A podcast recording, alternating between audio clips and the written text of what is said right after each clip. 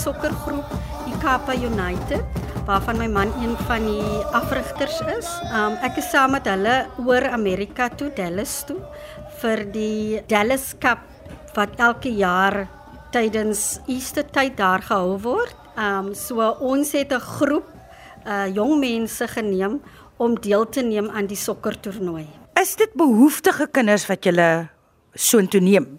Dis gewoonlik sê maar 90-95% is behoeftige kinders. Daar's een of tweeetjies wat wat 'n bietjie meer welvarend is, maar gewoonlik is dit behoeftige kinders wie se ouers moet funksies hou om hy kaartjiesgelde bymekaar te maak want hulle kry so 'n paar maande om dit bymekaar te kry die kaartjiegeld om te vlieg um Dallas toe. Sê my net gou hoe het jy Texas en sy mense ervaar, Malaysia? O, dit was fantasties. Dit was regtig 'n uh, fantastiese belewenis vir my gewees. Dit was my eerste keer in Amerika gewees en ek het dit verskriklik geniet. Die mense is vriendelik, hulle is behulpsaam en vir, vir al die mense waarmee ons in aanraking gekom het met die sokker. Hulle het vir ons gehelp met verblyf, hulle het vir ons gehelp met etes.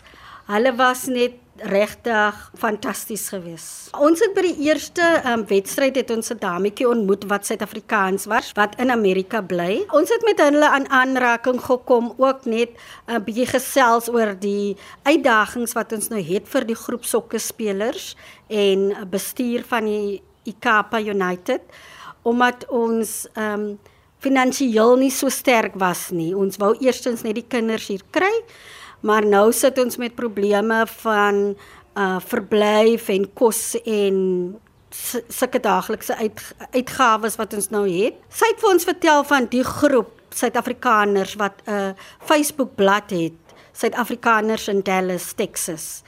En sy sê toe dat sy 'n vriendin sal vra om dit net te noem op die groep en kyk of hulle vir ons kan uithelp. En jy weet ons het hulle nog nooit ontmoet nie, ons ken nie die mense nie. Ons moes in 'n hotel bly die eerste 5 dae wat ons daar kom, een van die borge van die sokkertoernooi. So dit was ook ten duurste, maar daarvoor kon ons voorsiening maak, maar nou na die week moet ons nou 'n nog 'n week in 'n ander goedkoper plek gaan bly. En sy het dit op die groep gesit dat hier 'n groep Suid-Afrikaners is met sokkerspelers, hulle het in die Dallas Cup kom deelneem. En jy weet ons het gegaan na die hotel toe, dit is so 'n motel eintlik motel waar ons nou gaan bly, maar nou moet ons uitwerk dat ons so 'n klomp kinders in een kamer moet sit en so. Maar weet jy van die groep wat sy die note gemaak het toe ons daar kom, toe is daar 'n Suid-Afrikaanse paartjie wat besig is om vir ons verblyf vir die week te reël. Ons het hulle yes. nog nooit ontmoet nie.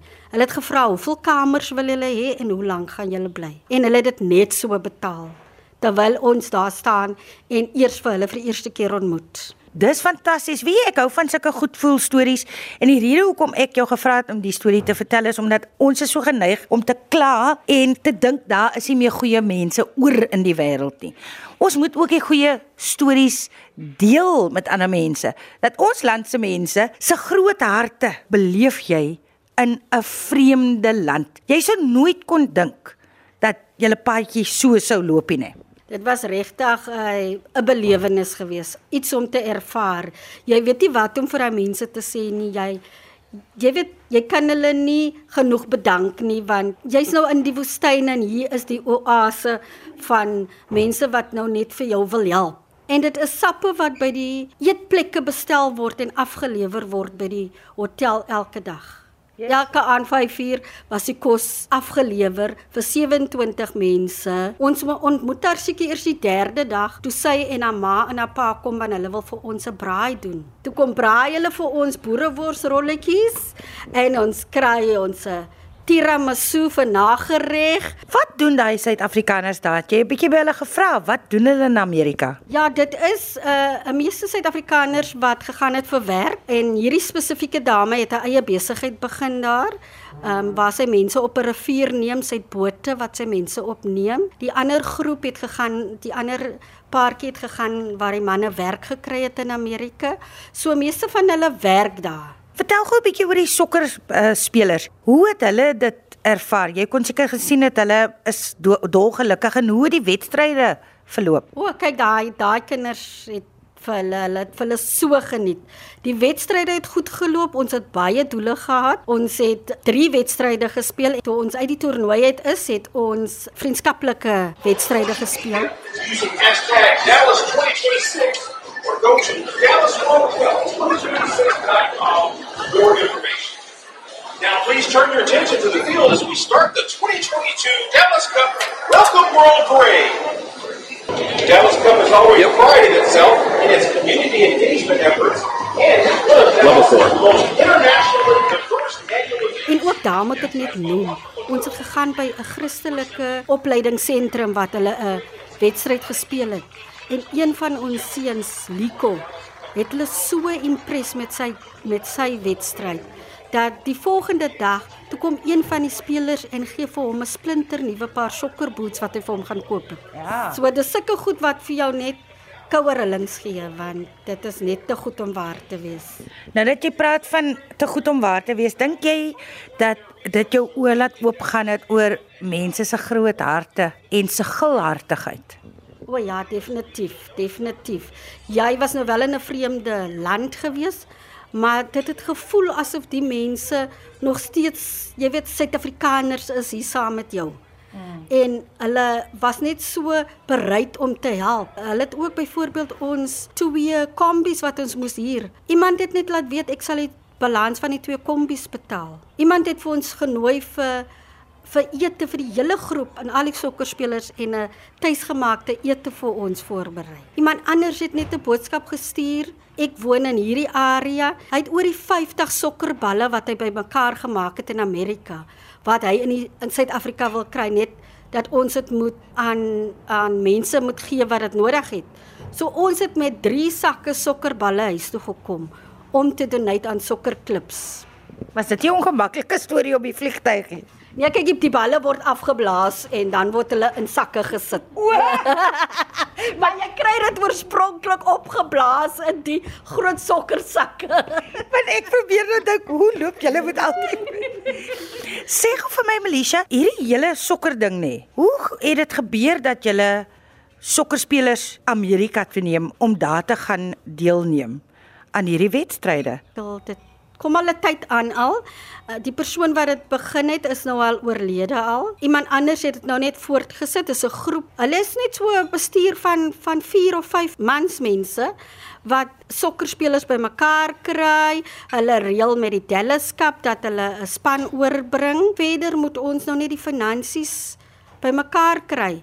En dit is elke kind moet basies betaal vir sy kaartjie en dan word dit uitgewerk hoe ons die kinders kan oorneem. En gewoonlik is daar ook Meksikaners in Amerika wat ook baie goedhartig is vir die vir die Suid-Afrikaners. Hulle is baie lief vir die Suid-Afrikaanse span wat gewoonlik kom en hulle help ook vir ons baie met uh, etes, die Baptist First Baptist Church en ook vir ons uh middagetes voorberei. So ons sokkerspan het elke dag by die kerk gaan middagetes eet byvoorbeeld. Ek dink ook die hele ding rondom finansies is maar mens wil nie die kinders teleurstel nie. Mm. Maar daar is net mense het net nie meer geld nie.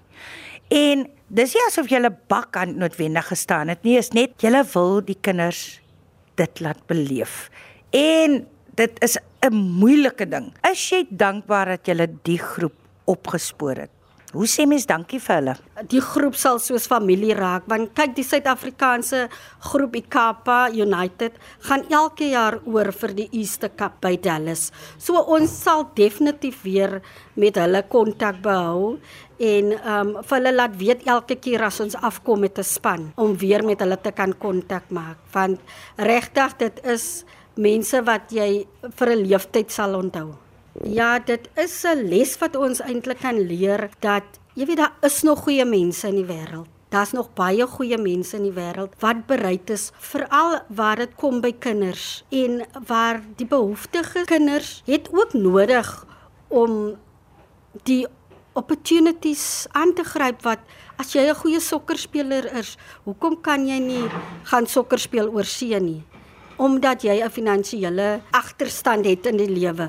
So IKAPA probeer maar nou net om die sokkerkinders oor te neem en dat hulle daai ervaring kan kry om tussen ander wêreldgehalte sokkerspelers te speel en ook dat daar ook vir as dit 19 jaar en ouer is daar ook uh geleenthede vir hulle om verder te studeer. Hulle word blootgestel en daar's gewoonlik scouts wat na die wedstryde kom kyk en uh wat ons kinders dan ook geleenthede kan gee om daar te studeer. IKAP het al reeds uh meisies span ook geneem waarvan een dametjie ook daar gestudeer het en daar's nog steeds een van die seunspelers wat nog steeds daar studeer. Hy het al hy het al Amerika status gekry. Hy is al op die dienslys van studies ook. So hy doen regtig goed. Hy is baie hy staan uit op akademiese en sportgebied en hy is Suid-Afrikaans. Ons het regtig goeie mense en as ons mense hier by die huis net kan sien wat die doel is om die span oor te neem. Dat dit nie vir vakansie is nie. Dit is om vir hulle ook bloot te stel aan ander geleenthede en dat uh, mense uh, wat dit kan bekostig om die span finansiëel te ondersteun en besighede om tog na die partytjie toe te kom want dit is vir 'n goeie doel.